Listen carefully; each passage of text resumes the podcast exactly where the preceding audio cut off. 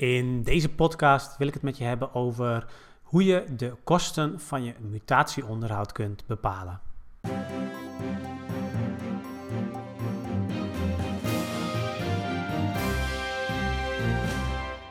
Ik krijg van corporaties eh, de laatste tijd wat vaker vragen over het mutatieonderhoud. Met name ook omdat uh, toezichthouders daar vragen over gesteld hebben. Uh, dus ik dacht dat is misschien wel interessant om ook even een podcast over op te nemen. Want als ik uh, al een aantal keer die vraag heb gekregen, dan zal het vast ook bij meerdere corporaties spelen. Um, nou, wat is er dan aan de hand? Um, ja, dan zijn toch vaak, de aanleiding is vaak dat er een vraag is gekomen van een, van toezichthouder, of het nou de RVC is, of uh, vanuit visitatie, of vanuit de autoriteit of, de, of het WSW. Um, ehm, vaak is de vraag daarin dat men ziet dat de kosten voor het mutatieonderhoud oplopen. En dat is vaak de aanleiding om, uh, om de vraag te stellen. En um, daarnaast ziet men ook dat de begroting en de feitelijke realisatie, als het gaat om mutatieonderhoud, dat dat vaak uh, ja, niet uh, met elkaar in lijn is. Dus um, ja, er zijn een aantal oorzaken volgens mij die, daar, uh, die daaraan ten grondslag liggen. En wat een eerste belangrijke is daarbij, is uh, dat er ook veel verwarring of in ieder geval discussie is over wat nou precies mutatieonderhoud is. Je kunt het eigenlijk op twee manieren bekijken. Je kunt zeggen van, nou ja, dat is al het onderhoud wat je doet bij een mutatie. Dus dan kijk je echt vanuit het tijdsperspectief. Um, maar je kunt ook wat inhoudelijker daarnaar kijken. En dan, ja, dan zijn er misschien een aantal dingen die je bij mutatie doet, die eigenlijk uh, ja, wat meer eigenlijk reparatieonderhoud is, hè, wat onder je dagelijkse onderhoud valt. Um, ja, is een, is een deel inderdaad mutatieonderhoud. Hè, dus, uh, dus dat zijn wat, wat, wat kleine dingen die je doet om de woning weer verhuurbaar te maken voor een nieuwe huurder. Um, maar er zitten vaak ook dan dingen in die eigenlijk um, onder het planmatige onderhoud of het grote grotere onderhoud uh, vallen. En um, die, je, die je niet had gedaan bij, bij uh, dus die je niet planmatig aanpakt. Hè, bijvoorbeeld het vervangen van keukens, badkamers, toilet. Um, ja, dat is typisch een voorbeeld. Ik zal er zo meteen ook nog iets meer over zeggen. Maar dat is typisch een voorbeeld wat um, ja, in de basis is dat planmatig onderhoud. Maar veel corporaties kiezen ervoor om dat bij uh, een mutatie, bij een wisseling van huurder, om dat dan uit te voeren. En dan kunnen er ook nog investeringen gedaan worden op het moment dat er een mutatie is. Als je bijvoorbeeld gaat isoleren, dan zul je dat vaak wel bij meer plamatig, bij plamatig doen. Maar nou, dat kan, kan ook bij mutatie. maar wat wel vaker gebeurt is dat er bijvoorbeeld bij mutatie van eengezinswoningen, dat er dan bijvoorbeeld zonnepanelen op het dak worden gezet. Nou, dat, dat zijn natuurlijk in principe gewoon investeringen die je doet. En um, daar zijn er natuurlijk even, want ik, ik, praat nu even helemaal los van de richtlijnen die daar ook voor zijn qua jaarverslaglegging. Maar ik zie in de praktijk in ieder geval dat corporaties daar op een verschillende manier mee omgaan met het inschatten van wat nu precies uh, onderhoud is en wat nu precies investering is. En je ziet dus ook dat daar uh, verschillende uh, verschillen in bedragen ontstaan. Um, nou goed, los daarvan is het dus zo dat je ziet dat de mutatiekosten bij een heel aantal corporaties aan het oplopen zijn. Of dat er in ieder geval niet goed ingeschat kan worden van tevoren in de begroting wat de kosten voor het mutatieonderhoud zullen zijn. Nou, het zijn een aantal dingen die, die je kunt doen om je begroting eigenlijk strakker te maken. Een belangrijke aanleiding is ook het niet meer planmatig, maar bij mutatie vervangen van badkamers, keukens, et cetera.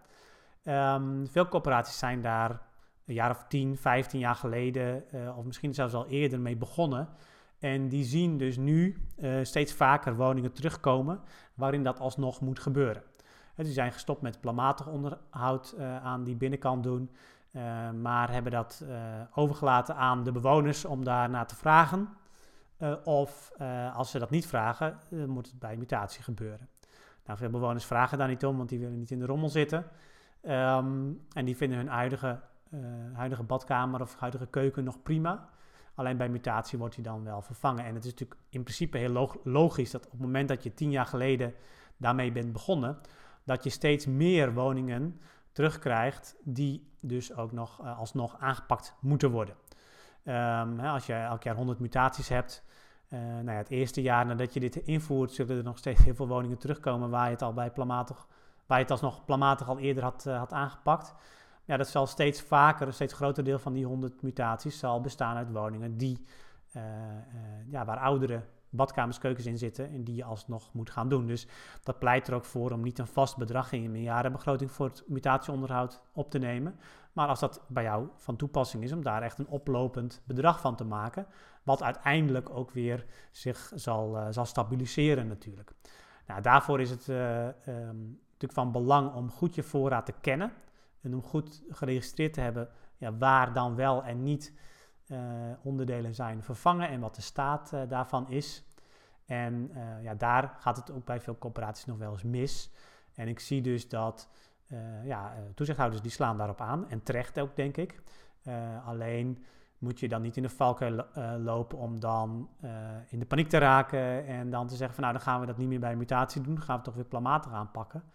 Want um, ja, ik denk dat het heel goed is om eerst juist die analyse te doen van wat zit er nu in de voorraad en wat zijn de kosten en hoeveel jaar gaat dat nog, uh, gaat dat mutatieonderhoud nog oplopen? Komen er nog elk jaar weer steeds meer woningen terug die nog aan de binnenkant aangepakt moeten worden bij mutatie?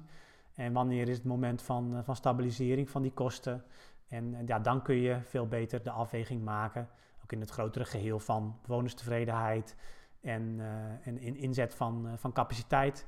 En um, ja, dan kun je, zeg maar, op, op die manier kun je integraal ook weer de afweging maken of je dat wel of niet wilt. Nou, wat natuurlijk ook een belangrijke onderlegger is voor de kosten van imitatieonderhoud, is, uh, is de bouwstromen die je hebt in je voorraad. En wat je daar al in renovatie en in groot onderhoud hebt gedaan. Um, de mutatiegraad uiteraard.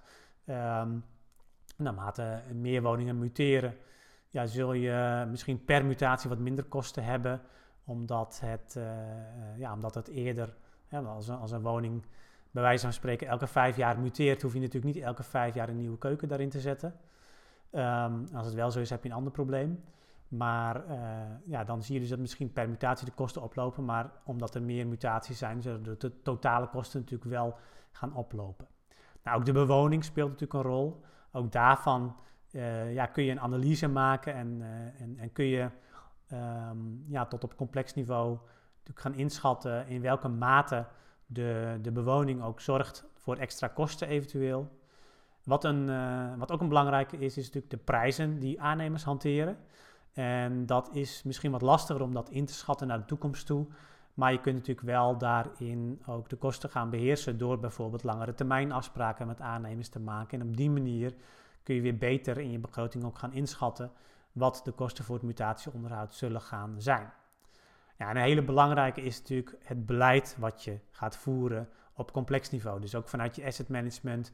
Uh, welke strategieën wordt er gehanteerd? Welk, uh, welk kwaliteitsniveau hanteer je? En um, ja, ook daar ja, zijn natuurlijk meer of minder kosten mee gemoeid. En um, daar speelt ook altijd de vraag van ja, wat is dan precies investeren en wat is precies uh, onderhoud. Dus, dus daar zul je ook uh, in je beleid en in de keuzes die je daarin maakt, zul je daar een, uh, daar een onderscheid in moeten maken. Nou, ik denk dat je op deze manier veel beter de kosten voor het mutatieonderhoud kunt gaan inschatten. En als je dat doet, kun je ook veel beter de inhoudelijke afweging maken van wat je wel en niet bij mutatie wilt gaan doen zodat je op die manier ook het antwoord kunt geven op vragen van uh, interne en externe toezichthouders.